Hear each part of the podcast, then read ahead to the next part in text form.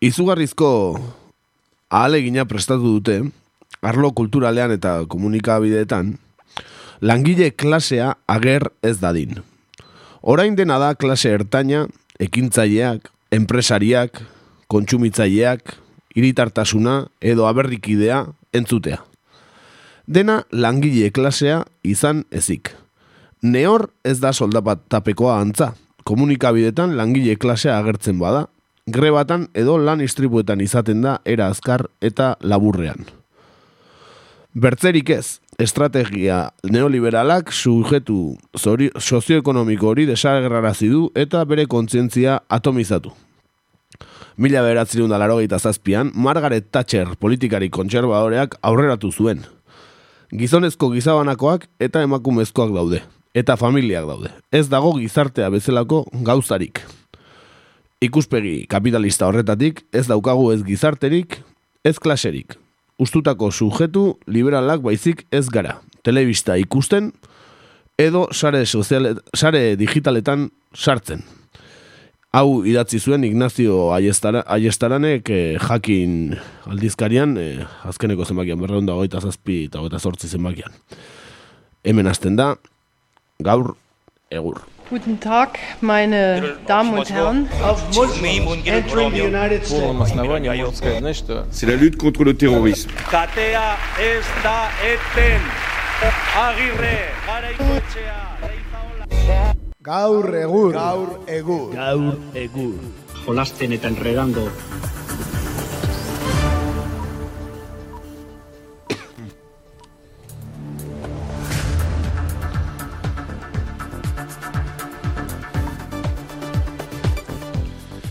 Beno, ez dakit e, gabon da noi, ez dakit e, noizbait e, hainbeste arazo teknikokin e, hasi dugun irratxa jorik egia esan, eh? Kaixo, gabon, gabon den hori. Bai, kaixo, gabon denoi, bueno, hemen gaude. Egia Kosta kosta, ez da? Gaur e, otu zaio ba, gure fluorescenteari funditzea eta ilunpetan gaude. Benetan alaxe da eta bueno, ba ilunpeta, ilunpetik irrati honen barrunbeetatik ba, saiatuko ja, irratsaio egiten. Horretaz gain internetak ez du funtzionatu eta teklatuak ere ez, bueno. Gure martxan arazo tekniko ugarirekin e, irrati bedinkatu hontan gertatu egiten bezala. Onar dezagun gaurko gure irratxaiari klandestinitate ukitu bat eman diola guztionek, ez da? Bai, benetan oso klandestino gaur irrati pirata inoiz baina gehiago. e, ba, besterik gabe, ongi etorri entzule, e, esan Twitter galdera bat egin genuela aurreko astean, Marabillas gaztetxearen arira, berriro aste honetan okupatu eta berriro desalojatu duten Marabillas gaztetxea, eta ba, nola inspezio tekniko baten aitzakia erabili zuten ba, Marabillasen sartzeko galdetu genuen ea, zein eraikin okupatu beharko litzateken inspekzio teknikoaren aitzakipean, eta euneko berrogeita amaseiarekin alderdi karlistaren sedeak irabazi du. Nola ez. Nola ez. Nola ez. Eta Uneko eta mairuak geroa bairen sedea eta uneko amaikak iruñako udaletxea. Inorrek ez du xaberreko gaztelua okupatu nahi. Benetan, e, bueno, e, eraikin oso historikoa eta garrantzitsuan aparroan eta, bueno, pakean usteko badirudi jendea pakean utzi nahi duela. E, gaur ere badaukagu galdera bat eta gaurkoan bai edo ez, bakarrik eh, erantzuteko. E, ba, badakizuen ez Brexita denen ahotan ibili da egun hauetan, eta Brexitaren oinarrian ba, badago gai arantzatsu bat, oso arantzatxua, jende gutxi hitz egiten duena, baina benetan bere biziko garrantzia duena, eta da, ba, Ipar eta Igo Irlanda banatzen dituen muga berrezarri daitekela. Ez da, muga badago, baina, bueno, Europako beste herrialdeen artean bezala, ba, muga hori iaia, Bai, Schengen espazioa. hori da, Schengen espazioa, eta iaia ez da existitzen. Eta berriro, ba, muga berrezarriko litzateke, eta horrek agian, ba, berriro Ipar Irlandako gatazka berrabiaraztea ekarlezake, eta badakigu zer izan den Ipar Irlandako gatazka, oraindik konpondu ez dena, zeren e, politikoki ba, ez da erreferendumik edo ez errekin, ba, Ipar Irlanda ego Irlandarekin bateratzeko. Baina, e, bueno, berriro, ba, benetan gatazka gogorra eta gordina izan zera, ba, agian ber, berrero, berriro berrezarriko da, ezta? Bai, eta esan barau, e, kontserbadoren eta unionesten arteko negoziaketan Naiz eta e, guk e, kanpotik hori zain beste ikusi Irlandako asuntua izan dela, ez? E, fuertea, ez? E, ez bai handiena eman diena, ez? Orduan bantzulei galdetzen diegu, ea zer iruditzen zaien, be, berriro gatazka berra biaraztea ekar aldezaken, e, Brexitak, eta ba, bai edo ez, e, zuek erantzun, orain bidaliko dugu txioa, eta nahi dezuenean erantzun. Ba, besterik gabe, e, hori zen galdera, eta goazen bertan gaur atalarekin.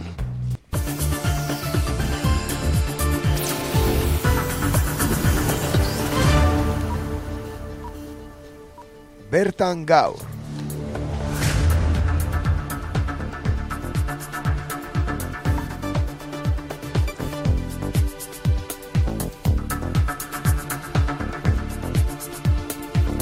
Bai, eta gaurkoan e, bertan gaur atalean argi aldizkariak ian behin ateratzen duen larrun geikarian agertutako informazio bat ekarriko dugu, ez?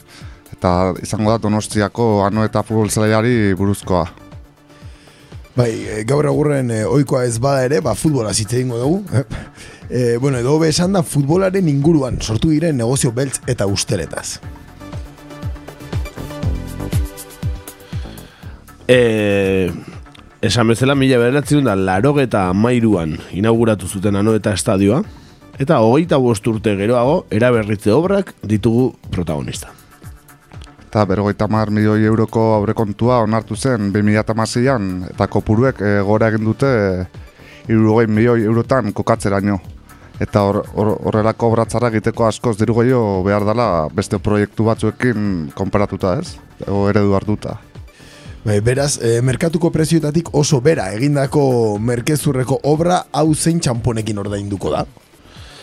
Ba, Ela sindikatuko eraikuntza ardura den Igor San Josek jarraipen dokumentua egin du obraren inguruan eta bere ustetan muturreko lan baldintzak dokumentazioen faltsutzea eta langileen legez kanpoko sesioak ohikoak izan dira anoetako obran.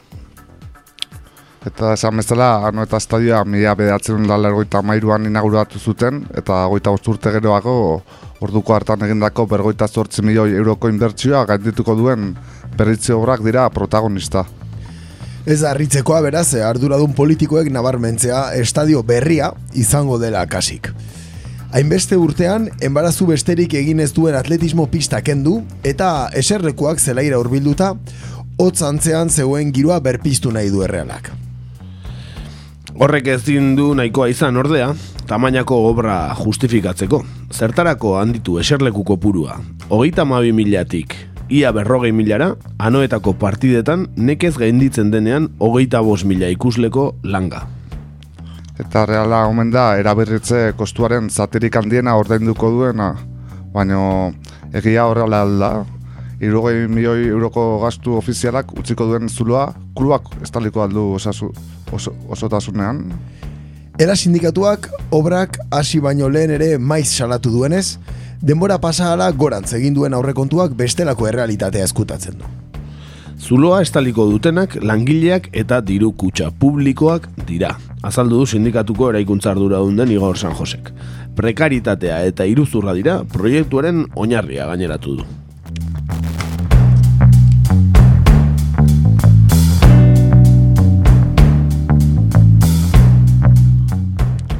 Moiua eta Altuna Iuria enpresek osatutako ano eta zelaia aldi baterako enpresa elkarteari adju- adjudikatu zaio proiektuaren zati handiena, euneko larogeita mara hain zuzen. Eta mezpidantza eragin duen lehiari gabeko prozesua medio, baina irregulartasunen erantzule nagusia ano eta kiroldegia sozietatea, da donostiako udalak osatutakoa da. Horretan sakondu aurretik, baina atzera egingo dugu denboran, egoera zertan den ulertzeko lagungarri direlakoan anuetaren inguruko azken urteotako datuak.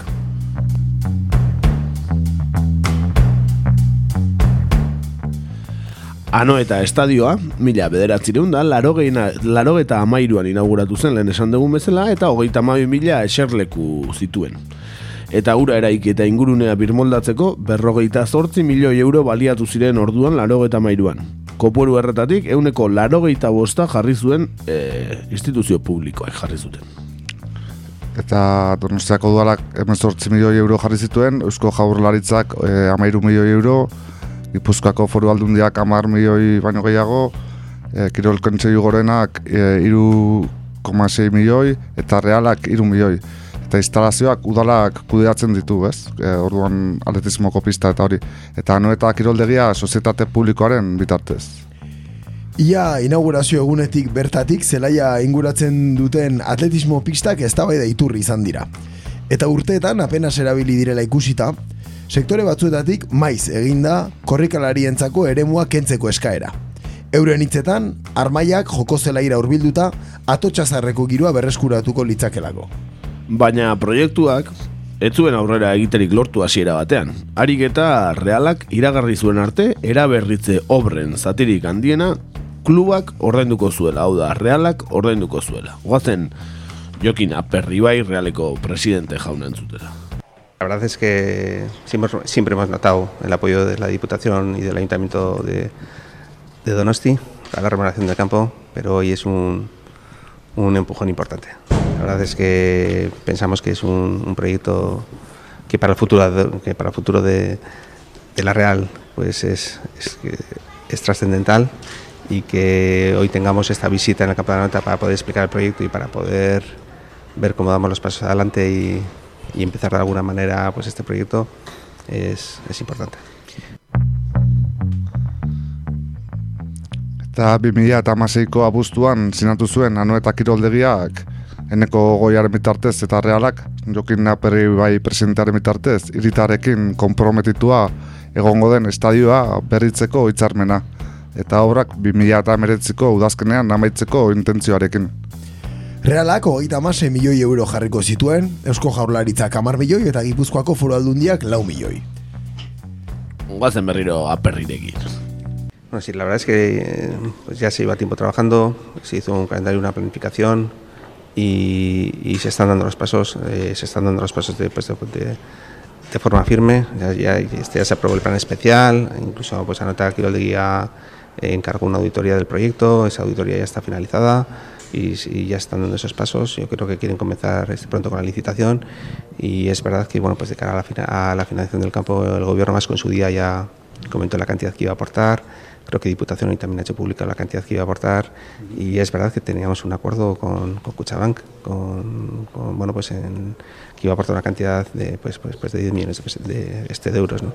y bueno pues lo que vamos a tratar es que, que ese acuerdo se lleve a cabo y que podamos cerrar la financiación del campo para que sea una realidad cuanto antes. Bueno, no, yo creo que bueno, primero hay que ver cuánto cuesta el proyecto entero. Ba, realari dagokionez, zuzenean, hogeita lau milioi bideratuko zituen obretara eta beste amabi, donostiako udalera mailegu gisa kutsabanken esan duen, aperrioi baik esan duena. Anoetara erabilera eta guztiak eta kanon bezala izango dira amabi milioi euroiek, beraz, alkiler bat pagatzen ari dira, ez obrak. Eta entzun ezagun beste behin ere, jokin aperri bai. Ya dijimos nosotros en Junta General que la Real Sociedad iba a poner, iba a estar, está dispuesta a poner entre, entre 30 y 36 millones de euros. Y esos 10 millones de euros son eh, pues un previsible acuerdo entre Cuchabank y la Real Sociedad para que puedan sumarse al, al campo de fútbol. Eta esan kontraprestazio gisa, estadioa ustiatzeko epea 2008 mairutik 2008 zazpira luzatu zaiola realari. Udaleko bost alderdietatik lau, EAJ, PSE, Bildu eta PP agertu ziren proiektuaren alde, eta bakarra irabazi aurka agertu zen. Hain justu, eneko goiak, donostiako alkate eta anoetako kiroldegiko lehendakariak, anoeta estadioa kudeatzen duen e, entea ez, anoeta kiroldegiko lehendakaria ere bada eneko goia, ba, 2000 eta urriaren amaikan, jakinarazi zuen, sozietatearen administrazio kontseiluan irabazik zuen ordezkaria, e, Loik Alejandro, kargutik kenduko zuela. EAJ eta PSN botoekin, ba, irabaziko ba, ordezkaria e, anuetak iroldegia sozietate administratiboan, ba, ba, bidali gintzuten. Eta, eta arrazoia labur esan da, labur azalduta, irabazik eusko jaularitzako kontratuen inguruko rekurtsoen administrazio organoari aurkeztutako elegiteak, partzialki onartua izan zenak baldintza agriak aldatzera behartu eta obrak atzeratu zituela.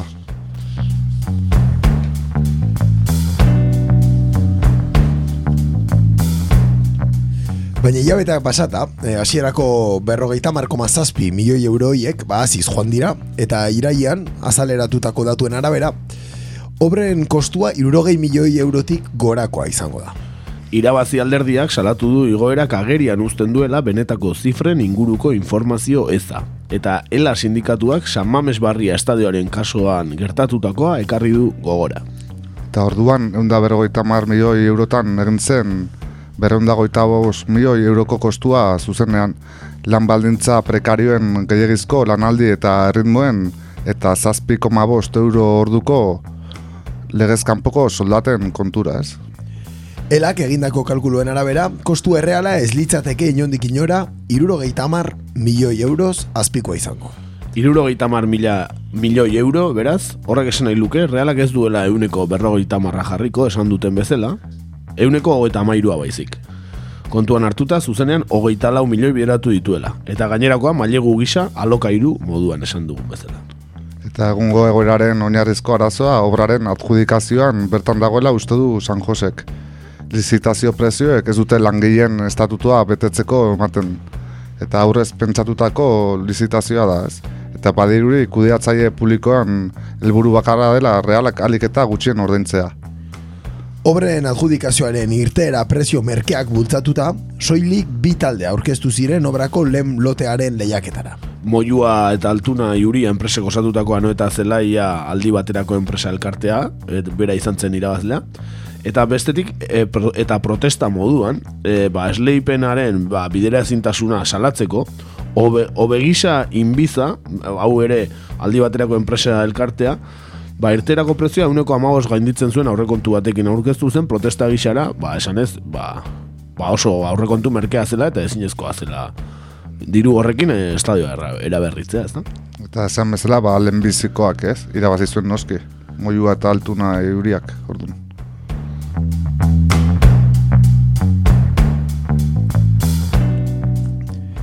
Bimila eta emeretzian bukatuko dituzte obrak udal eta foru hauteskundeen urtean. Elako ordezkari den San Joseren hitzetan ano eta da eneko goi alkatearen ikur nagusia eta hala jokatzen du. Estadioa baliatuz kanpaina egiteko. Gainerako alderdi gehiena kisilik daude. Jakitun reala kritikatzeak boto, botoak ditzakela dio elako kideak. Hauteskundetarako arma izan ala ez, merkatuko prezioetatik oso bera, egindako merkezurreko obra hau txampon hauekin ordainduko da. Muturreko lan baldintzak, segurtasun eza, dokumentazioen faltsutzea eta langileen sesioa ilegalki eginda. Jarraian, helduko diegu banan-bana. Langile gehienak, amarra amaika, amabi orduko lanaldiak egiten dituzte egunero, eta orduko bost eta zortzi euro artean kobratzen dute bataz beste. Eta hortik aurrera ez dute aparteko pagarik, ez oporrik, ez dietarik, ez indemnizaziorik. Eta San Josek e, oroitarazi du, obra berez kostatzen dena, baino askoz merkeago egitearen ondorioa direla langileen baldintza larri hauek. Bueno, ba, horrela xega, no? eta estadio berri eta liraina nola eraikiko duten aurrekontu oso baju batekin, e, gero puztuko dutena, eta hori dena, ba, realak diru gutxiago ordaindu dezan e, estadio horrengatik, eta gainea gero aidea saltzen, ba, realak e, berak, ordain, berak ordaintzen duela estadioa, eta ez da egia, eta gehien bat langileen balan baldintza prekarioekin eta soldata prekarioekin eraikitako estadioa dela.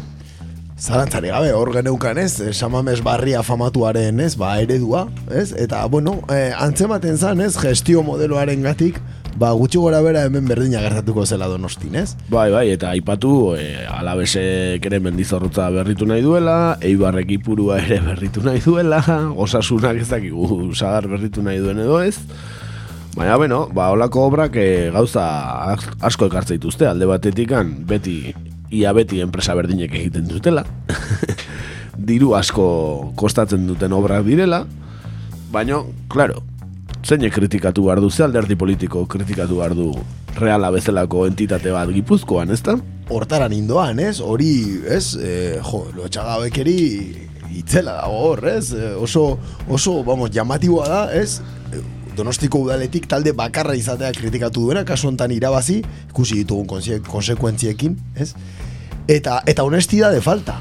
Ez, ez dualako pentsatzen, bueno, e, alderdi batzuen hilduarekin bat datorrenik horrelako proiektu bat e, sostengatzea, ez? Noski, baina eh, alderdi guztietan daude realtzaleak eta futbolak, ba, bakizu, pasioa eragiten du eta jendeak ba, burua galtzen du futbolarekin.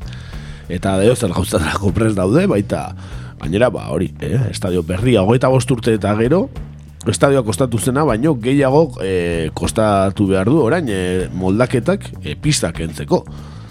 Ez dakit, eh, norbaitek eh, agian eh, pista jartzea erabaki zuenak ere, zer zer esan beharko luke, ez? Edo zer? Akaso agian, ez? Pista, pista ipini zen, ba, bueno, prebizio batekin ere, ez? Hau da, obra bat egiten duzu, jakinez obra horrek ez duela publikoa asetuko, eta horrek, ba, bueno, ez? ez e, prebizio bat ematen dizu, obra, beste obra bat egin barko duzula, epe razonable batean, ez? Eta tartean ere, ondi, obra, beste obra batzuk hor jarri zituzten basta armaia batzuk, eta orain dela marra urte, edo ontzan baita beste obra bat. Bai, bai. Eta orain, esan gainera, oraingo estadio berriak, adibidez, ba, diru publikoekin eraikiko dena parte handi batean, ba, zukengo duela adibidez, zona bat, bip zona bat, nun badakigun zein joango diren, ez dira gipuzkoar langileak joango bip zona hortara, baina e, ba, bip zona hori ba, diru publikoarekin egiten da baita ere, estadio osoa bezala. Gero, esan, ba, kirol kontuan, ba, Gipuzkoan ba, instalakuntza, kirol instalakuntza asko ez daudela bere honenean eta eta hortarako ez dagoela dirurik, baina reala bezalako futbol e, talde batentzako estadio berri eta polita egiteko, bai, hortarako dirua barra-barra egoten da, ezta? Hortxe dago, ez, konsientzia falta, ez, zematetan, ez, ba, onurak emaetan zaizkion eliteko, ez, kirol horri, eta ez guztiari eliteko kirol maskulinoari kasu honetan. Noski, noski, unaiz eta emakumeak adibidez ustet, e, derbia aleti reala jokatu behar dela anuetan, uste dut. Vale, ados, ez nekien, ez nekien, ez, baina ja, ikusten bali maitugu, ez, ba, aurrekontuetan dauden partia, bueno, ba, bueno, imaginatu dezakegu zenbat doan, ez, diru publiko horretatik gainera, zenbat doan, e, ba, bueno, e, kirol basera, ez? Edo emakumezkoen kirolera edo gizonezkoa, eh? Eta gero noretzako izaten diren partidu hauek, ez? Zatik eh, gero sarreren prezioa eta ikusita, nik uste ez daula denon eskuetan, nanoetara partidu bat ikustea juteko aukera hori, eh? Bai, esan, e, atzetikan ere badagoela e, be, dirua egoteaz gain obretan eta enpresari eta enpresa batzuk dirua irabazteaz gain, zatik langileek ikusi egunez ez dute diru behiek irabazten, e, esan badagoela ere telebista eskubideen kontua. Eta telebista e, talde bakoitzari o klub bakoitzari lehen mailan ordaintzen dio X diru gauza arrazoi desberdin batzuen gatik. Eta arrazoi horietako bat da zenbate jende joaten den estadiora. Segun eta sarrera gehiago saldu, e, orduan eta diru gehiago ematen dizu telebistak ere. Aforo gehiago batik, eta gero klasifikazioa eta gauza gehiago. Orduan aforo handitze hori ere horrela horregatik egin dute eta gero ba, ikusi beharko da berroi mila pertsona anoetara noiz bai joango diren. Agian e, partido oso garrantzitsuren batean joango dira gainan egunerokoan edo asterokoan ikusiko dugu zenbat eraino betetzen dena anoeta ere. Estiru dioikoa izango danik ez, estadioa betetzea. Mhm. Ba hori xe, e, lehen aipatu deten bezala, ba, adibidez, ba, gure herriotan dagoen e, kirol instalakuntzak ba, bastante uzten du ez e, ba, oso instalakuntza onak edo gokiak ez dira ez? E, pare bat kirol edo hiru egin daitezke bakarrik hemengo kirol instalakuntzetan eta bastante ordainduta eta gaina bi herritan bakoitzean politiko kiroldegi daukagu eta ez dute eta batean sozio baldin bestera ezintzea jun ordaindu egin bar dezu ere bai ezta? Beraz bueno e, kirola egitea osasuntxua hemen da, baina hemen... E, garestia ere, bai. Bai, hemen garestia eta gainera diru publikoa profesional. Eta klub, e, diru piloa gastatzen duten eta manejatzen duten klubei estadioa berritzeko gastatzen da, ezta? Benetan, lotxagarria. E, baina ez dauka hori bakarrik. Izan ere, realeko presidente den Jokin Aperri bai, lehen entzun deguna, ba, armagintzara dedikatzen den familiako gizona du, eta ba, datutxo batzuk emango ditugu berari buruz. Osondo. Bai, jokin aperri baik ez, amar urte ez, bete ditu errealeko lendakari gixara. Eta, bueno, azken aldian egin zaizkion eh, errekonozimentu eta koipe mate aparte, ba, aperri baik eh, badu bere alde iluna ere. Jokin Aperribai, SAPA, Sociedad Anónima de Placencia de las Armas, Euskal Armagintza enpresa garrantzitsuenaren zuzendaritza batzordeko kidea da, eta bere familia da enpresa honen jabe. Eta esatearen andoainen kokatzen den Sapa Espainiar Estatuko armagintza enpresarik zarrena dela, ez? Mila bosteun da eta mairuan sortu da. Osa, badira, urte batzuk. Bai. Bera da Euskal Herriko armagintza enpresari garrantzitsuena eta munduko arma esportatzaileri garrantzitsuenetakoa. Munduko egun enpresa garrantzitsuenen artean, kokatzen da Aperri bai familiaren enpresa. Eta bere zuzendaritza batzordean, egon dira pertsona ezagun ugari eta beretan e, izen ilustreak. Eta horien artean esan, eh, bat, esatearen, Ramon Labaien, Donostiako E- EAJ-ko alkatea izan zena, mila behatzen da lergoita iru, eta mila behatzen da lergoita zazpi urten artean. Gabriel Peña Aranda ere bertako kide izan zen, Televisión Espainolako zuzendari nagusia izan zen, irurogeita amabostetik irurogeita amaseira, eta Industriako Instituto Nazionaleko Defentsa Saieko zuzendaria, UCD-ren gobernuan.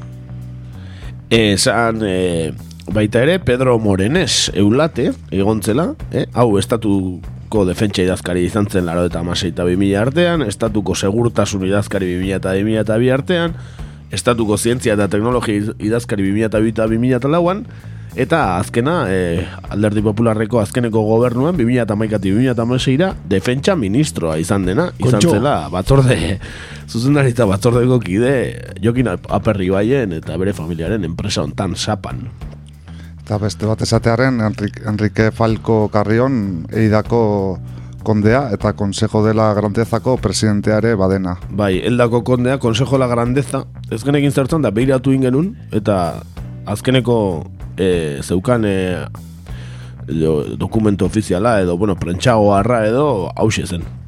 Bai, con motivo de los acontecimientos que durante las últimas semanas se están desarrollando en Cataluña, la Diputación de la Grandeza de España se manifiesta en defensa de la unidad de España y declara su plena lealtad a su majestad el rey. Joño, Bai, olako deklarazioak egiten dituen e, ba, e, Consejo de Grandeza ontako presidentea ere Jokin Aperri bai realeko presidentearen e, familiako arma enpresako batzordeko kidea izandakoa ere bai e, Enrique Falco Carrion Esan, e, ba, realeko presidentearen arma enpresa eta euskal industria militarrak osoak e, bosteun milioi eurotik gorako irabaziak izaten dituela urtero, gutxienez. E, gutxienez diogu, zeren e, irabazien datuak asko eskutatzen dituzte enpresa ezberdin hauek, beraz irabaziak askoz gehiago izan daitezkela pentsatzen da. Eta gaur egun, eun euskal enpresa baino gehiago, haien produkzio osoa edo zati bat eh, armeneko izpenera bideratzen dute ez. bai hori gutxi balitz, eh, produkzioaren euneko laro gehia, baino gehiago esportatu egiten da. Gehiengoa, ba, Europako herrialdetara, NATO, MEB eta beste gerra operazio batzuetan erabiltzeko. Beste zati bat, gatazka eta zapalkuntza herrialdetara bidaltzen da. Hala nola, Saudi Arabia, Turkia, Israel edo Egiptora. Eta gatazka armatuek bataz beste enda berrogeita mar mila eriotza eragiten dituzte urtero, ez? Eta irugoita mar milioi pertsonek euren etxetik ies egin behar izaten dute biziraun izateko, biziraun aldi izateko. E, bukatzeko esan honen arira, bihartik, bihar hasita, urtarrilako eta bi bihartik otxailaren bira, jardunaldi antimilitaristak egingo dituztela gazteizen, e, gerrako Euskal Label Armak e, izenarekin, eta ba, besteak beste, ba, deitzailea dira askapena, bake ekintza antimilitarista, ongi etorri refusiatuak, eta beste hainbat kolektibo, eta badukate ba, gitara oparoa, esan bezala hogeta bitiko txaiaren bira, ba, ia bi aste, eh? eko jardunaldi antimilitarista, eta e, informazio gehiago nahi badazue, sare sozialetan eta daukazu, eta baita alabedi e, irratiaren e, web horrian ere. Beraz, ba, Jokin Aperri bai bezalako armagileen ba, aurkako jardunaldi antimilitarista dauzkagu gazte izena aste honetan, bihartik hasita. Bueno, figura polita, eh? Jokin Aperri bai, errealeko presidentea amar urtetan, eh, figura polita, benetan. Bai, bai, eta telebistan eta komunikabideetan, ba, asko goraipatu dute, ba, bigarren mailan hartu zuelako reala, eta igo, eta ekonomikoki ere solventzia eman dio, eta, bueno, bastante koipe eman diote e, komunikabideetan, baina, bueno, bere alde iluna ere badakigu, eh? Gerrarako armak egiten dituen enpresako jabe bat dela. Jabea bere familia, bera ere izango da. Hoxe, eta ez edo zein enpresa komentatu dugu modua, Bai, enpresa bai. oso potente bat. eh? Euskal enpresa garrantzitsuena arma gintzen. Eta zaharrena, mila bosteun da, Bai, iruro bai. eta mairukoa. Benetan, eh, pertsonajea, eh? Benetan, futbolak inguruan ze, ze jendilaje daukan, eh?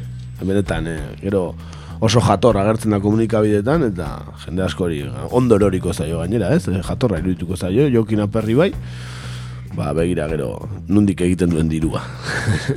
eh? Batez ere, eunda berrogeta mar mila eriotza sortzen dituzten armak urtero, eh? ba, horko egiletako bat dugu jokin. Beinoiz komentatzen ez dena komunikabidetan, ere, esan behar da, ez da? Oso izkutuan, ez, gordetzen dira datu hauek, interes jakin batekin, noski, ez? Hor badago, azkenean beringuran mugitzen den, ba, bueno, arko politiko eta empresarial bat, eta, bueno, ba, irudi horrelako datuak ez dirala oso ondo digeritzen, ez? Bai, eta beti banatu nahi izaten da, ez? E, produzitzen dena eta gero benetan e, produzitzen den hori zertara iristen den eta hori dena, ez? Betiko e, ez dakit, kosifikazioa nola ditu, ez? E, hori, eta azkenean ba, armak nora dijoa zen, eta, bueno, zer fabrikatzen den eta zertarako, eta, bueno, hemen datuak hemen biztan dauzkagu, eta ikusi dugu, zenbat hildako... Bai, gogoratu nola Bil Bilboko portuan ere, ez? Bombero bat ere, bueno, espedienterik izoten, edo ez, e, ukatzeagatik armak e, barkutara da igotzen laguntzea, eta bar, ezta? Bueno, ba, bai, e, Euskal Industria garrantzitsua, armagintza industria garrantzitsua Euskal Herrian, eta, ba, bak, aspalditik, gainera, Ibar inguru hori, eta zora luze, eta hori dena, baina, bueno, oraindik hor jarraitzen dute, eta arma geroz eta zorrotzagoak, teknologia hobeakoak, eta, eh, zera, borrelen misilak bezala, ba, nahi duten, akatzen duten misiloiek bezala. Bai, bai, askotan entzun izan nahi dugu, bai, egiten dara eskopetaren batzuk, eizekoak eta ezagik zer, eta bai, azkenen ez zer garbirik ezakigu, baina... Ez dut burutik sekulak enduko, ez? Estatu batuak, ez? E, bigarren golfoko gerrara joan zirenean, Bagdaden hegazkin baten argazkia agertzen zen, hegazkin militar batena, eta, bueno, ba, militarrak munizioa jeisten zeuden, marineak, eta hegazkin osoa kajaz beteta zegoen, eta kajetan denetan rotulo berdina zegoen, eta jartzen zuen Eibar Spain. Bai, bai.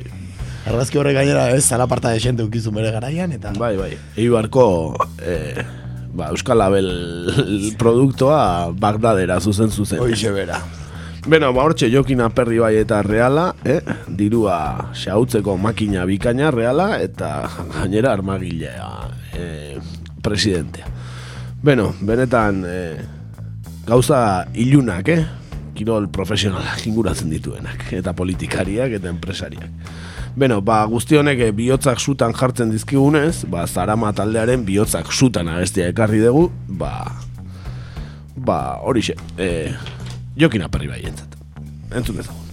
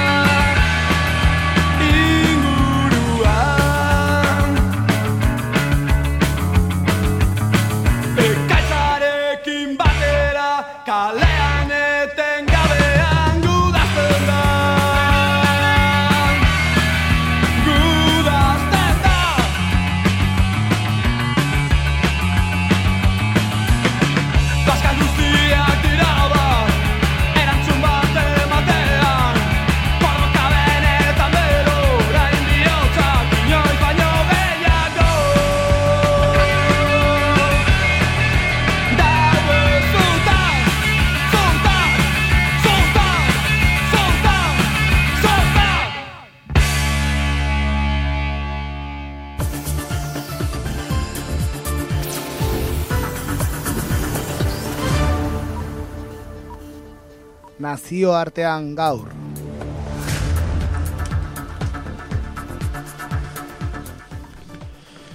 Bueno, ba, gaurkoan e, gure nazioarteko tartean, e, Afrikara bidaiatuko dugu. Mm, e, oikoa den baino denbora gehiago, eh, pasa dugu bertara joan gabe esan.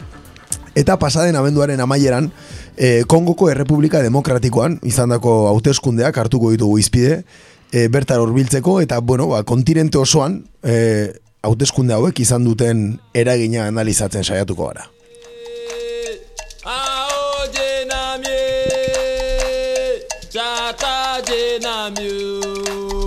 Ese mama kometo Ao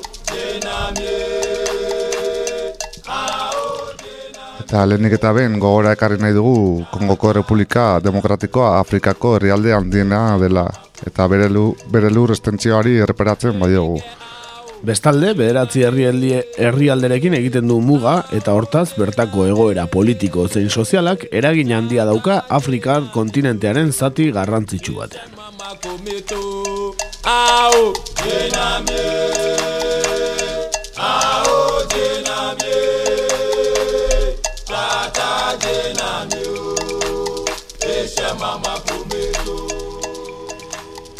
Pasaden abenduaren hogeita marrean izandako hauteskunde presidentzialek emaitza historiko bat utzi zuten. Larogeita mazazpitik boterean zeuden kabilatarren alderdiak ez du herrialdea gobernatuko eta. Gogora dezagun, mila bederatzen da laro mazazpian, Lauren Desire Kabilak hogeita mar urte luzeetan, zaireko lendakari izan zen, mobutu sese seko, boteretik botatzea lortu zuela. Horrez geroztik, kabilatar bat izan da gobernuko buru. 2008an, Logan Desire Kabila modu ilunean eraila izan ostean, bere seme Josep Kabila hartu zuen presidentetza.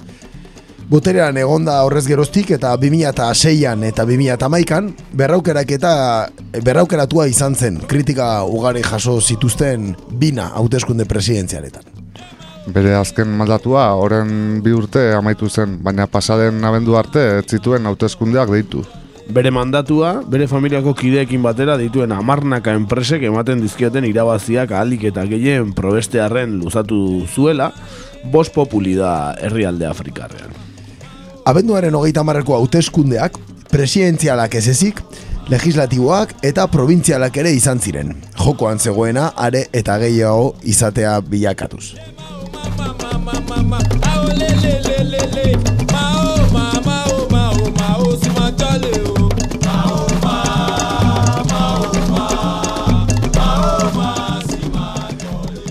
Eta 2008an egindako aldaketak konstituzional baten ondorioz, presidenteak ezin ditu bi mandatu baino gehiago jarraian egin. Eta hortaz, Josef Kabilak ezin izan du bere burua aurkeztu, naiz eta konstituzioaren artikulori aldatzeko aleginak egin dituen azken bi urteetan. Ruandan edo Kongo Brazabien egin, egin duten moduan. Kabilak Kongorako fronte aman komuna izeneko koalizioa sortu zuen eta Emmanuel Shadari aurkeztu zuen presidente gai. Oposizioan hainbat alderdi aurkeztu dira naiz eta bi izan diren kabilari aurre egin dioten alderdi nagusiak. Alde batetik, Martin Fayulu esna zaitez koalizioaren hautagaia dugu. Irurogeita bi urtekoa eta bere karreraren gehiengoa Exxon Mobil Petroleo Kompainia Erraldoiaren zuzendari orokor moduan egin duena.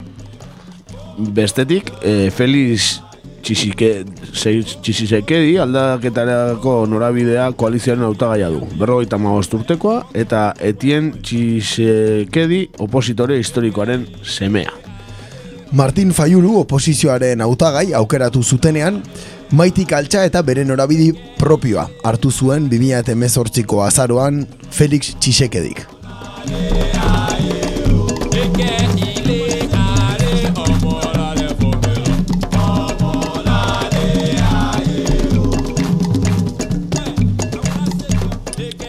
Izandako hauteskundeak maldangora burutu dira hasieratik. Kabilak behar baino bi urte geroago konbokatu ditu atzerapen handiarekin. Gainera, hauteskundeak abenduaren hogeita irurako aurreikusiak zeuden, baina hautes batzar nazionalak hogeita marrera atzeratu zituen, bozka paperen impresioan atzerapenak zeudelako. Honetaz gain, Kinshasako kanpokaldean, iruruan bertan erabiltzekoak ziren milaka bozka makina, gordetzen zituen biltegi batean sutea ere izan zen. Eta guztia gutxi balitz, abenduaren hogeita zeian, hautez batzarrak, oposizioak indar handia duen Beni, Butenbo eta Jumbi hirietan, hautezkundeak atzeratzea erabaki zuen Ebola virusaren balizko epidemia baten ondorioz. Dena den, abenduaren hogeita marrean bertan, gabezi ugari izan ziren bozkalekuetan. Bozkatzeko material falta, geizki imprimatutako bozkapaperak, Guztionen aurrean, eta hautez batzar nazionalaren kompetentziak zalantzan jartzeko asmoz, Beni hirian lutxa mugimendu hiritarrak bozketa alternatibo simboliko bat bururat, burutu zuen. Eta emaitzen publikazioa ez da hauteskundeak, baino fideagarrigoa izan.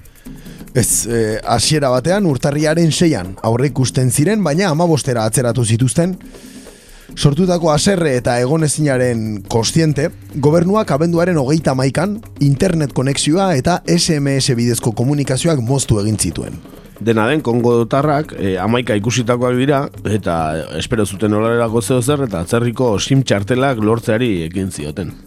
Eta gezurra badirudi ere, ez da hauteskundeak antolatu dituen hautez batzar nazionala izan emaitzak kaleratzen lehena.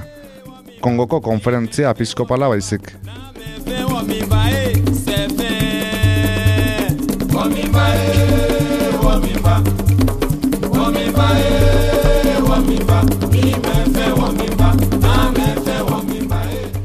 Herrialdean influentzia oso handia du Eliza Katolikoak eta hauteslekuetan berrogei mila begirale baino gehiago izan zituen abenduaren hogeita marran, hautesleku gehienetako emaitzak eskuratuz modu hontan.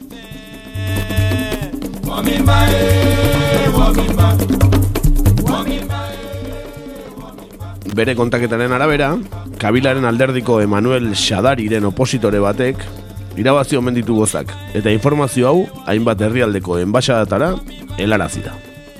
Eta egoera honen aurrean, gobernuak opositore moderatu bezala ikusten duen txizikedi kandidatoaren garaipena aldarrikatzea bidatzen du. Alor askotan, eta batez ere, postuen banaketan akordiotara iritsi daitezekelakoan. Abenduaren amarran, hautez batzar nazionalak, txisek, ba- barkatu urtarriaren amarran, e, hautez batzar nazionalak txiseke diren garaipena ofizializatzen du, bozen euneko hogeita mezortziarekin. Martin Fayulu opositorea izango litzateke bigarrena, bozen euneko hogeita mabostarekin, eta hirugarren bakabilaren arderdiko Emanuel Xadari, euneko hogeita lauarekin. Berria jakin eta gutxira, Faiuluren jarraitzaiek manifestazio ugari burutu zituzten, baita gobernuaren aldetik errepresio handia jaso ere. Eta bozen euneko euna oraindik zenbatua ez dagoela ere adierazten du hautez batzarak, baina txizikediren garaipena ziurtzat ematen dute.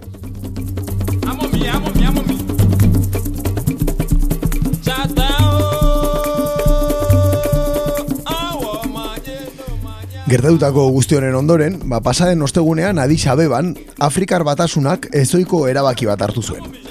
Izandako emaitzen behin-behineko suspentsioa eskatuz, gainontzeko herrialdeetan piztu dezaketen inestabilidadearen beldur.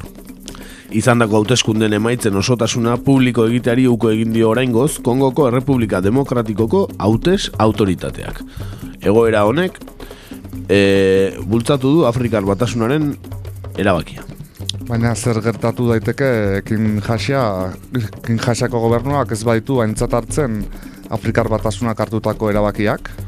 Bueno, balde batetik zigor ekonomikoak ezarri alko lizkioke Afrikar batasunak Kongoko Errepublika Demokratikoari blokeo ekonomiko bat ezarriz. Bestalde, inguruko hainbat herrialdek ere presio neurriak hartuko alko, alko lituzkete, kasu indar militar handia duten eta bertara esportazio handiak egiten dituzten Angola edo Zambia.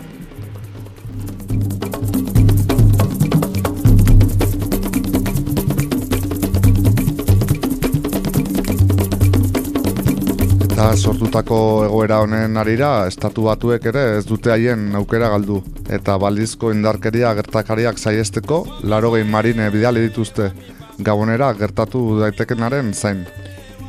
Europar batasunari dagokionez, estatu frantsesak, erresuma batuak eta belgikak emaitzen inguruko haien zalantzak agertu dituzte, eta gobernuari emaitza errealak, lehen bailen kaleratzeko eskatu diote.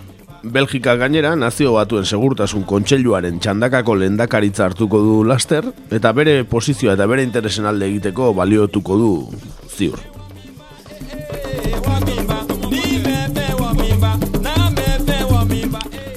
Eta nazio batuen erakundeak hauteskundeen inguruko adierazpen epela egin du behar diren tresna legalak erabili daitezen hauteskundeen emaitza zehatzak emateko. Adierazpen epel honen oinarrian, Kongoko Errepublika Demokratikoko gobernuaren aliatuak diren Txinaren, Errusiaren eta Ego Afrikaren lorratza dagoela ezin daukatu.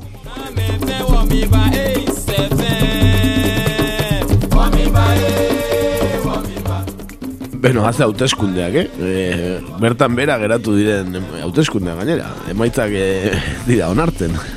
Ez Bai. dira, Oso, tipik, oso afrikar tipikoak ez, esan daike ez. Eh, Bai, Afrikar tipikoak Europako atzaparrak atzean dituela. Hori da, hori da. Edo Amerika estatu batu dena. bai, esan hemen, e, bueno, esaten da moduan kolokialki tomate asko dago. Bai, alde batetik, e, kabilak ezin zuelako berritu bere agintaldia, eta beraz, ba, bueno, Kongon interesa handiak dituzten herrialdeak, ba, horren alternatiba alik eta onena, ez, bilatzen saiatu direlako, Eta, eta beste alde batetik, ba, bueno, egon diren maniobra guzti hauen gatik, ez? Nola hauteskunde hauek, bueno, ba, Bueno, nola atzeratu ziren lehenengo, eh? E, ebola epidemia alde batetik, e, hautez makinak zeuden e, almazenaren zutea bestetik, danetik han pasatu da, imprimatu ezin ziren papelak, bueno, Eta gainera guzti, osea, atzerapen guzti honen oinarrian ja bi urteko atzerapen bat zegoen, ze kabilak bere mandatu presidentziala orain dela bi urte bukatu zuen, baina bere erabaki propio batengatik ez ditu hauteskundeak eh, ba bueno, ez ditu hauteskundeak deitu eh, orain arte. Bai. ikusi, behar kabilak boterea galduko duen, e, gobernua bai, baina boterea galduko dute duen ikusi egin behar.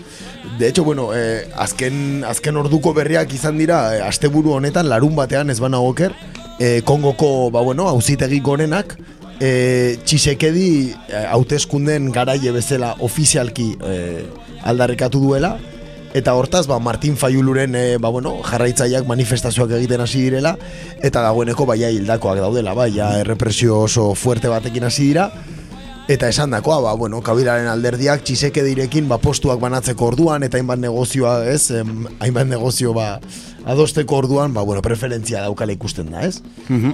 E, esan ere, oposizioko buruzagia eta protestak egiten ari direnak, ez? Ba, beraiek irabazi ote dituzten hau ba, e, elekzio hauek eta ez e, kabilaren aldekoak edo, bueno, tratu egingo dutenak, ba, petrolio korpora- korporazio bateko presidente izan dela. Ba, bai, eta ez edo zein petrole korporaziokoa, Exxon Mobileko, ez? Bai, Eh, bai, bai. Bueno, president, eh, dire- eh, bueno, zuzendari orokorra izan dakoa urteetan, ez? Ordu, bueno, oposizioaren esperantza horrelako pertsona baten dago Kongo momentu honetan, ez? Pentsa.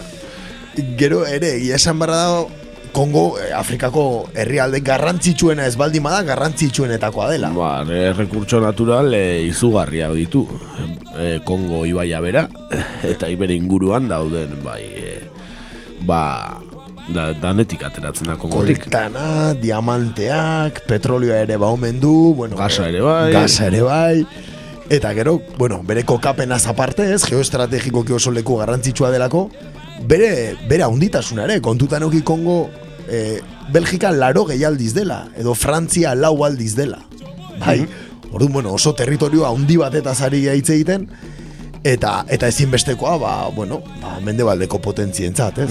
Esan e, kolonia Belgikarra izan zela, Hori da.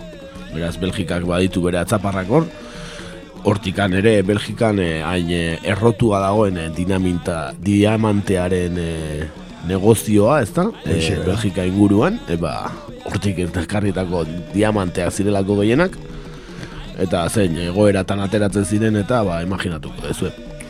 Hoxe bera, ez, bueno, denok, eh, ez, ondo dakigun bezala nola umeak erabiltzen diren, nola jendearen, bueno, esplotazioa ez esklabizazioa erabiltzen den, ez, horrelako gauzetarako. Gero politikoki esan beharra dago dekadentzia utxean aurkitzen dala, ez, Kongoko Errepublika Demokratikoa, e, azken urte hauetan, e, kabilak berak e, lan handia egin duelako, eta, ba, bueno, bere diskurtso batean, publikoki, ba, bueno, e, Belgikako Leopoldo, ez, e, erregeak nahiko lukeen bezala, Kongo sendo bat lortu dugu esaten zuen, gogoratu dezagun Belgikako Leopoldo, e, bueno, e, gure historia garaikidan egon den genozidioa haundienaren, ez, e, ba, bueno, buruzagia izan zela, ez? Amabi milioi pertsona akatu zituzten e, e, amabost urte baino gutxiagoan, ez? Eta, bueno, kabilak horren bandera atera zuen, ez? Bueno, ja, dekadentzia hutxean, ez? Ba, bere garaian lumunbak, ez? E, zioen, zizkioen, ba, gauza guzti ba, musin eginez, eta ja, bueno, ba, ba hori, ba, basaiat goan erorita, ez? Mhm. Esan hori, e, ba, Kongo bere errekurtso naturalen gatik e, ba, munduko potentzia handienetako bat izan beharko lukeela, e, ez? E, bai, aberastasunean eta abar, eta ez dela, e, ba, Belgikako kolo, e, kolonia izan zelako, eta esan bezala kriston sarraskiak egin zituen Belgikakan, eta errekurtso natural gehienak e, ba, bereak egin zituen, eta oraindik ere berak e, kudeatzen ditu asko. Belgika eta zari gara, Europar batasunaren oinarri oinarrian dagoen herrialdea, ez da, e, ba, esan daiteke demokrazia modernoaren e, ba, asmatzaietako herrialdea, ez da? Bai, bai, duare, Belgikaren papera, bueno, inundik inora ezin da, eh, ezin astu kontu guzti honetan, eta oraindik interes oso oso potenteak, ez, dituzte kongon, enpresarialki, ba, komentatu ditugun, ba, ba bueno, lehen gai guzti hoien arira, ez? E, badirudi denaen, ez, Belgikaren irudi publikoa mendebaldean behintzat nahiko herrialde baketsuaren bezala, ez, dagoela, ez, ez da inoiz, e, bueno, gutxitan sartzen da e, arazoetan, koalizio internazionaletan parte hartu izan du, baina, bueno, bere tamainaren gatik ez da inoiz ere punta de lanza edo esaten dana, ez? Eta, eta bueno, ezin dugu aztu, Kongon, laro iru milioi pertsona bizi direla, bai? Bai, eta, eta Belgika dela eh, potentzia administraora bere garaian deitzen zana, ez? Bai, bai, benetan e, lotxagarria, bueno. Ba, Europa arrok e, mundu guztian egin degunaren e, ba, adibide garbia, e, baina bai, esan dezuna, ez? Ba, adibide, ba, Europa erdialde edo ipar erdialde hortako herrialdeak, ba, ematen du ba, oso zibilizatuak eta ez, oso jatorrak e, direla, eta, bueno, e, jundik inora, bere historiak argi uzten du ba, inundik inora ez dela horrela izan, eta... Eh. Bai, bai, bai, Belgika, esan duzun bezala, Kongon, eta, bueno, bestalde, ez Holanda bezalako herrialde bat, ez? E, nola Asian, Malasian eta ingurudietan ba, kolonialismoaren bueno, alderdirik e, okerrena erakutsi duten Mhm. herrialdea izan dela. Eh? Ego Afrikan bertan ere, bai. Ez? Baita. Duari gabe, ez, da hortxe dago, ez, herrialde gainera txikiak, tamainan, ez? Ze, bueno, Frantziari buruz askotan itzein izan dugu, baina da, ez, ba, bueno, e, enbergadura mailan Frantzia asko zaundiagoa dela, ez? Bai, bai. Kasu honetan herrialde txiki hauek ere egin duten sarraski guztia eta eta jarraitzen dutena egiten, eh? Kasu honetan eh, Afrika batez ere, ez? Bai, bai, e, diamante ezagunenak Belgikarrak dira, eta txokolatea ere, Belgika eta Suitzako txokolatea, ezta? Eta txokolatea eta kakaoa ere, ba, kongotik etortzen da, kasu askotan. Hoxe bera, ez? Evoluzionatzen juntzien, ez? Kautxoarekin hasi ziren, ez? E, Meretzigarren mendearen bukaeran, eta bueno, ba, beraien ustiapen horietan beti evoluzio bat aurkitu dute, ez? Esplotazioarekin jarraitzeko eta eta hango baliabideak lapurtzeko azken finean, ez? Ba, horixe, beste behin Afrikara joan gara, beste behin eh, Afrikaren espolio bat hitz egiteko. Kasu honetan, herrialde garrantzitsuenetako bat, esan bezala rekurtso natural izugarriak dituena, eta orain Txina gere Afrikan e, mutur aspalditik sartuta dauka, eh? Bai, bai, batez ere Afrikako ekialdean, ez? E, potentzia, bueno, nagusia da Txina momentu hauetan, Ia, bere garaian, ez, e, emiratuetako, ez, uste dut Katarreko, ez, e, eskuartzea hundia egon zela, bai, 2000, ba, bueno, 2000 garen urtetik aurrera pixkat, baina, bueno, txinak dagoeneko ja e, tostada guzti hori janda diola, eta, eta, bueno, ba, hortxe dago txina ere, ez? ba, horixe, Afrikaren espolioa, gero, ba, badakartzala, errefusiatuak ere, ona, gure herrialdeetara, eh? eta ikusi nola jasotzen ditugun. Ba, bai, batez ere Afrikako adarretik, ez, nola nola ikusten ditugun, ez? E, iristen eta ikusiko dugu kongon zer gertatzen da, ez? Ze azken berrien arabera, e, arazo handiak egon daitezke, e, inkluso gerra zibil baten mamua pixka torre airean dago, bai, horrek suposatu dezaken guztiarekin. Mm Jarrepena egingo diogu eta ikusiko dugu Kongo beretan herrialde garrantzitsua baita. Hoixe bera.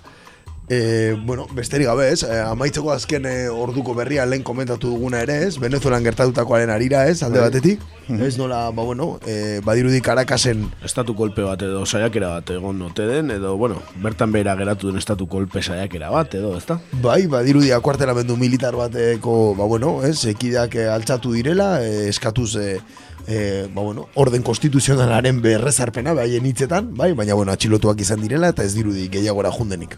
E, gogoratu ere Afrikan bertan, e, Gabonen, e, oain bi aste edo ere gertatu zela, ez, irratia hartu zutela, eta militar batzuk, eta estatu kolpe saiakera bat edo egin zutela. Bai, bai, bai, egia, eta ez errean gelditu zen azkenean ez, bai, irudi, baina, bueno, hoxe. Eh? Bai, baita e, Bogotako atentatu hori, asteburuko atentatu hori, eta azkenean e, nola LN-eri egotzi dioten atentatuaren e, Egiletza, ez? egiletza, eta bueno, horrek ere, bueno, e, Iban Duque Kolombiako presidenteak esan du e, harreman harreman guztiak hautsitat jo dituela LN-erekin, eta bueno, ikusiko dugu, zer, zertan di joan, eta bueno, Da, esan Iban e, presidenteak, Iban Duque presidenteak ere, kuako gobernuari eskatu diola, e, abanan dauden ordezkaria katxilotzeko, ez? Eta, Mhm. bueno, ikusiko dugu ze, ze pasatzen den. Bai, bero, bero, hasi da 2000 eta emeretzia, ezta? Eta abestitxo bat entzungo dugu, eta gero, ba, ba urtarrileko aste honetan e, historian zehar gertatu diren efemeride batzuk errepasatuko ditugu, eta mendik urte batzutara, ba, urtarril honetaz ere hitz egingo da. Hori da, Ziur horra- baietz. Horra, ez, efemeriden kontua. Abesti bat ekarri dugu, e, Teddy Fit Angelena, e, Patrice Lumumbar e, buruz, ezta? Abestia? bera. Mhm, Hori da, gora, aurreko asteko ostegunean, ez, bere eriotzaren e, urtemua ospatu zen, ez, bueno, ospatu esate baterako, eta, eta hoxe, ba, beste hau ekarri dugu Patrice Lumumaren figura e, oroitzeko. Hortxe ba, abestia.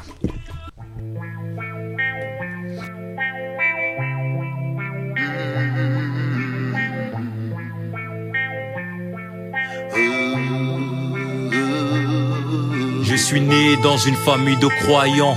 On m'a dit, tu dois être bon, mais je ne comprenais pas comment est-ce que ceux qui enseignent qu'il faut être bon ne le sont pas. Tout est parti de cette réflexion qui engagera mes actions entre l'esclavage et la liberté. La liberté, j'en payerai le prix. Le 17 janvier, ils ont l'accord du juif pour livrer Satan à ma mort. Je suis devenu un continent, l'Afrique a la forme d'un revolver dont la gâchette se trouve au Congo. Bwana Kitoko s'est fait voler sa souveraineté. Un roi qui se fait désarmer et déshonorer. Il relate l'acquisition de l'indépendance comme s'il nous en avait fait cadeau. Elle nous a pas été offerte sur un plateau pour que l'on puisse avoir un drapeau. Le combat fut un lourd fardeau.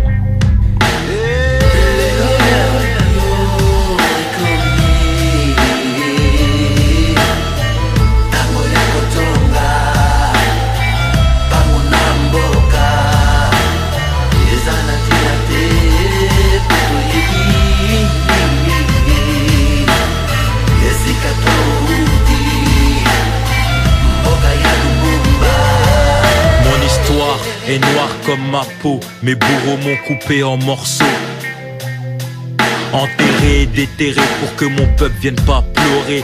Plongé dans de l'acide pour se justifier, ils diront que je suis communiste. Des hommes deviennent des bêtes de somme à la solde de la Belgique. Des millions d'euros pour mon élimination. 75 ans de colonisation et d'humiliation. Que justice soit faite pour Patrice Lumumba, car la vérité finit par triompher. Mais ce qui concerne les noirs reste au fond des tiroirs. Je viens pas réécrire l'histoire, juste résumer ce qu'on t'apprend pas au cours d'histoire.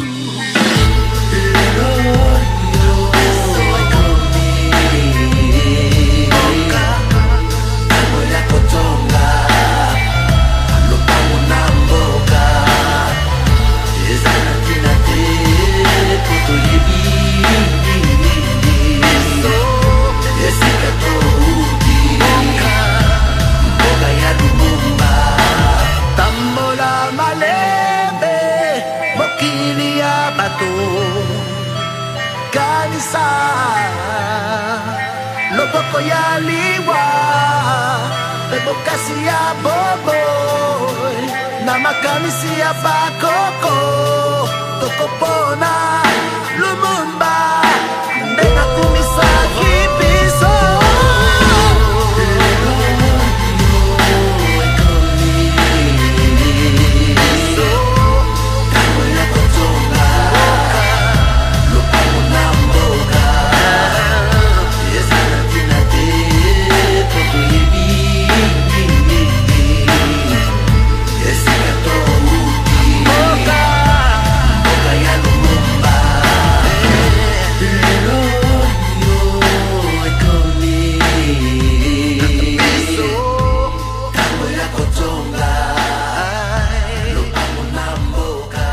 En hommage à mon grand-père Patrice Emery Lumumba, premier Premier ministre de la République démocratique du Congo.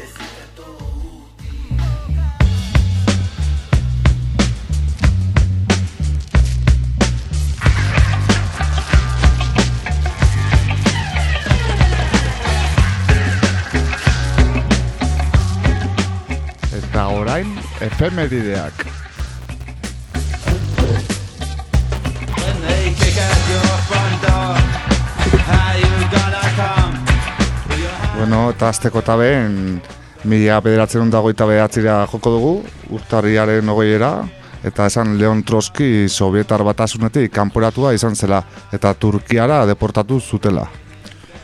Egun berean, baina mila bederatzireun da berrogeita bian, bigarren gerra mundialean, buruzagin naziek azken irtenbidea delakoa erabaki zuten arazo juduari irtenbidea emateko.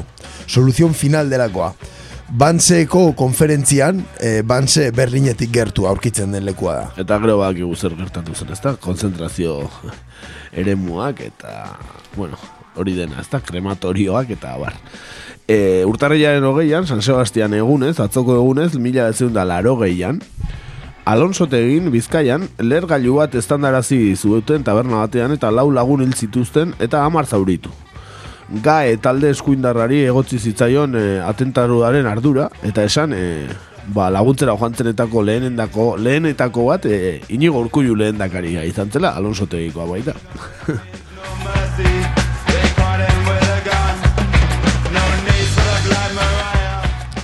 Eta urtarriaren hogeita batean, baina mila zazpiren da larogeita mairuan, e, ba, Parisen, Luis Amasei garrena gilotinan esekutatua izan zen.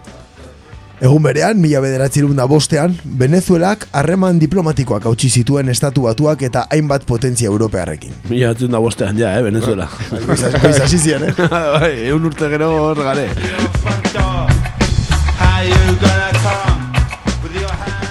Irlandan sinfeineko parlamentariek parlamentu propio egiteko autua egin zuten. El Dail Eidean, edo Irlanda eta Irlandaren independentzia aldarrikatu zuten gogoratu sare sozialetan Irlandari buruzko galdera bidali degula erantzuteko Twitterren gaur egur eh, kontuan.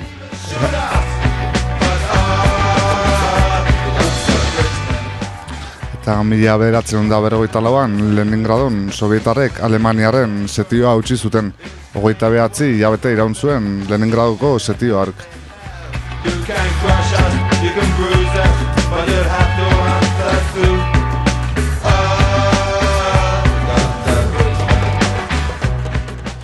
Eta urtarriaren e, hogeita bian, mila bederatzireun da hogeita amabian, e, El Salvadorren nekazarien matxina da izan zen eta gobernuak gogor oldartu zen eta indarkeria egin zuen matxinoen aurka.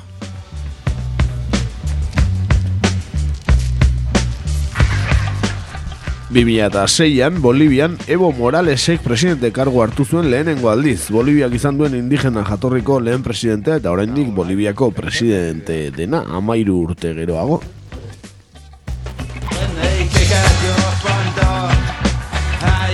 Eta esan ur, urtarriaren hogeita iruan, baina mila bederatzen da irugaita meretzian, Saharan, Frente Polisarioaren eraso batean, zortzireun soldadu marrokea zituztela. Egun berean, mila bederatzireun da hogeita mazazpian, Espainiako gerran fasistek e, CNT-ko emeretzi gudari erail zituzten fusilaturik.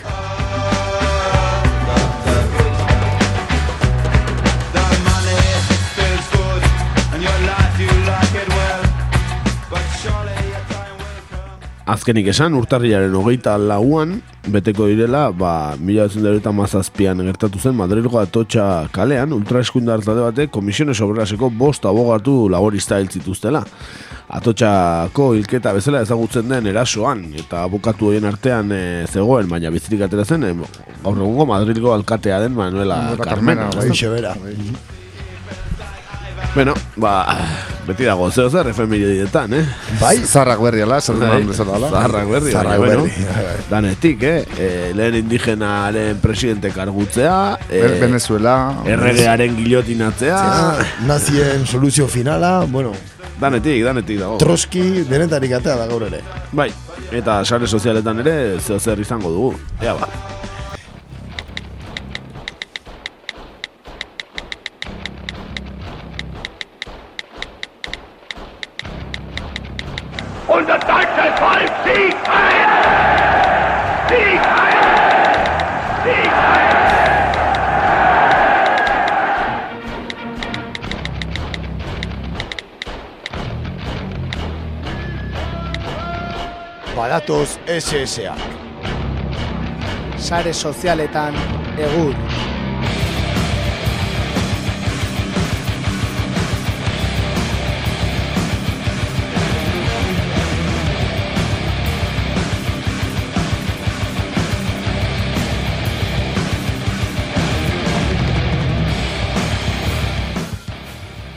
Beno, ba, sare sozialetan gaur e, ba, pertsonai bakar bat ekarri dugu e, errepasatzeko Ana Beltran da, Nafarroako alderdi popularreko presidentea eta Nafarroako parlamentuko parlamentu foraleko bozera mailea, ez? E, bakarra, ez? Alderdi popularrak duen e, e, bakarra, esan dezakegu dela, ez da? La última modicana edo, ez? Esan dezakegu. Bai, bai, baina bakarra da, ez? E, alderdi Zu, bai, ba- ba- bakarra, bakarra. bakarra, ez? Eh, Nafarroako parlamentua. bai. Bueno, bakarra, baina ez horregatik, e, ba, e, ez ikusi e, bezala pasatzen dena, eh? Benetan, e, Ez, ez.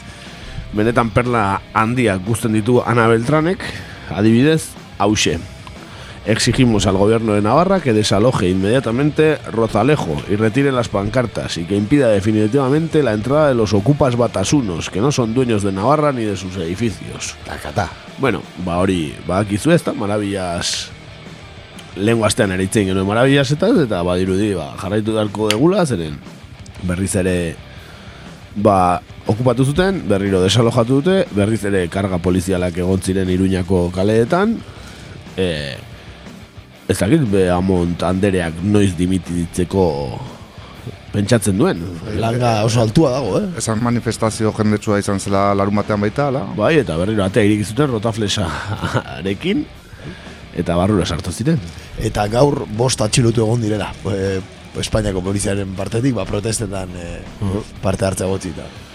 Ba, bai, benetan, e, bueno, ez dakigu, hauteskundeak daude e, maiatzean Iruñan, ui Iruñan, bai Iruñan, eta baita Nafarroa osoan ere, e, Nafarroako ba, gobernu foralaren e, hauteskundeak ere badare, eta ez dakit, e, pentsatzen beha montandereak ez duela errepikatuko. Zeren, Nor vamos, daki, azken nor daki. legegintzaldi bukaera bikaina egiten ari da beha montanderea. Bueno, ba, Ana Beltranek, e, ba, Ana Beltranek jarraituko dugu, ba, beste asko dauzka, eh, ez da, e, baina gehien bat euskararen kontra gusta zaio aritzea, sutxuki, euskararen kontra, eta aste honetan bertan e, horrelako xe perla utzi digu. que a mí me ha parecido, valga la redundancia, una falta de respeto que ustedes vengan aquí a este Parlamento, a una zona donde el euskera no es oficial, que no sé si ustedes lo saben, pero esta zona donde estamos aquí sentaditos, Pamplona, no es una zona donde el euskera sea un idioma oficial. Y ustedes han venido aquí a sabiendas de que en esta comisión, y si no lo saben, lo deberían haber preguntado, a utilizar el euskera como alma, como arma arrojadiza. ¿Y saben por qué? Porque la mayoría de los que estamos aquí no lo conocemos este idioma, no lo usamos y no les hemos entendido. Pero que encima nos presenten proyecciones en euskera me ha parecido que era con una intencionalidad clara. Porque en Navarra no se usa el euskera ni en la zona mixta ni en la zona sur. Como le digo, no es ni oficial ni lo habla la gente.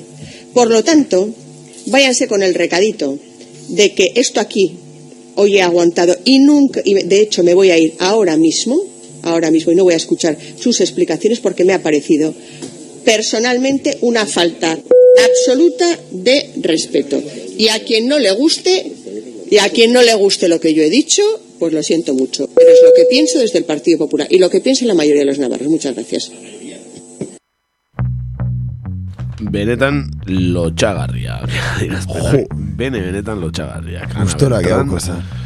Bueno, benetan, eh, bueno, nik uste bera entzutearekin nahikoa izan dela, ez? Gure entzulea jakiteko, ba, nolako pertsonajea dugun Ana Beltran, anderea. Zeinetaz ari garen, madre mia.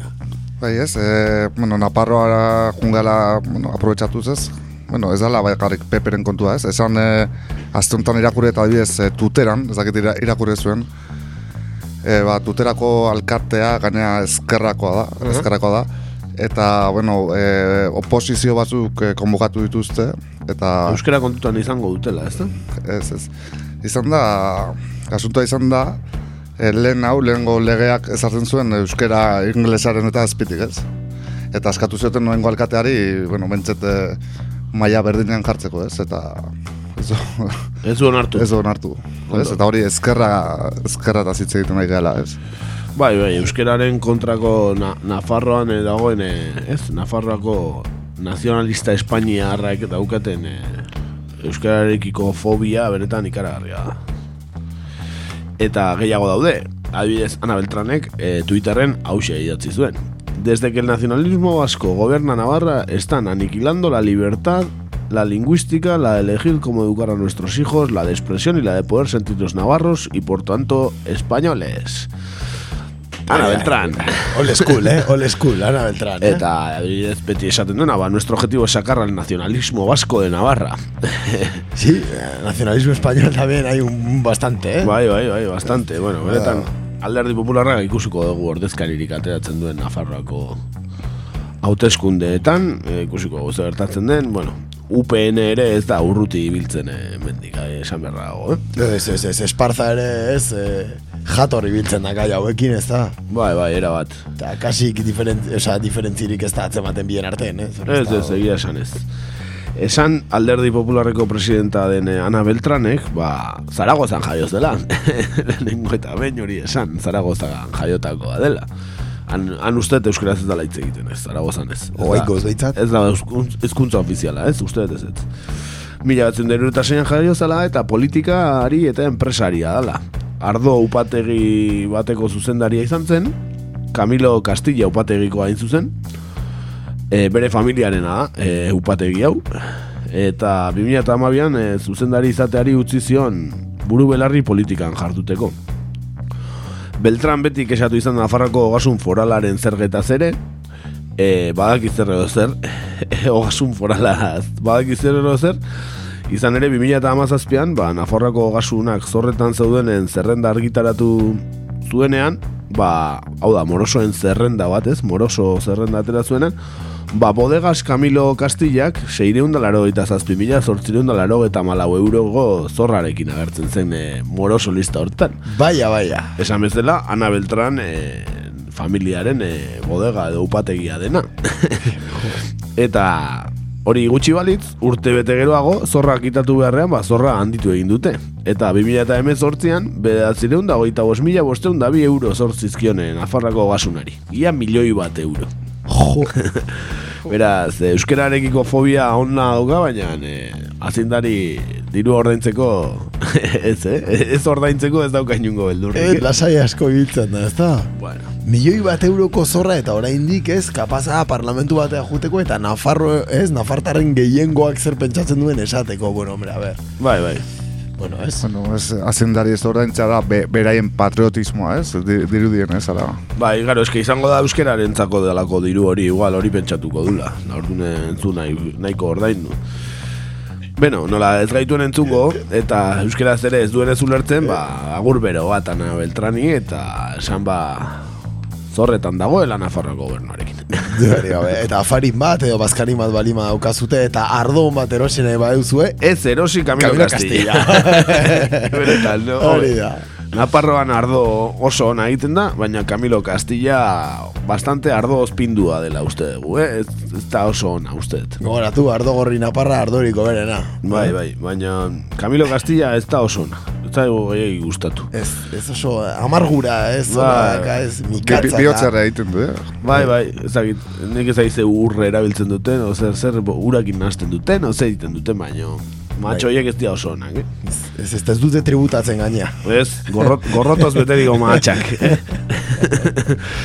Beno, ba, horrelaxe, hau izan da gaurkoz de- dena, Ana Beltrani agur eta gore, eta e, ba, esan, e, Twitterren galdera bidali degula, e, hori nola Irlandan ba, agian e, ba, muga berrezarriko den Brexit aurrera badoa, ba, ea, uste dezuten Ipar Irlandako gatazka berra beraztea ekarnezakela horrek, oraingoz baiak irabazten du, eta ikusiko dugu, aste bete barru zer gertatzen den. E, ba, despeditzeko azken abestia ekarri dugu, esan e, irratiko lagunak diren bikideren urtebetetze eguna dela gaur, bat e, zumarragako mutila, eta bestea berriz e, ba, Irlandan jaiotakoa, Eh, jauna. Dublindar e, bat, e, Dubliner bat, ez da? bai, Dubliner bat, Irlandaz asko ari gara gaur, ba, bai, ba, beraien urtebetetzeak direnez, ba, ba bestitxoa jarri diegu. Stevie Wonder handiaren Happy Birthday, eh? Itxu, abeslari itxu famatuenaren Happy Birthday abestia Nelson Mandela's Dayeran eh, jozuena, eh? Nelson Mandelaren egunean 2009an jozuen Happy Birthday eh, Stevie Wonderrek eta hemen txekarri dugu beraz, zorionak biei eta eskerrik asko horregotatik entzule eta torren azten arte Hori da, gaiztok izan. Aste hona pasa, agur. Venga, Stevie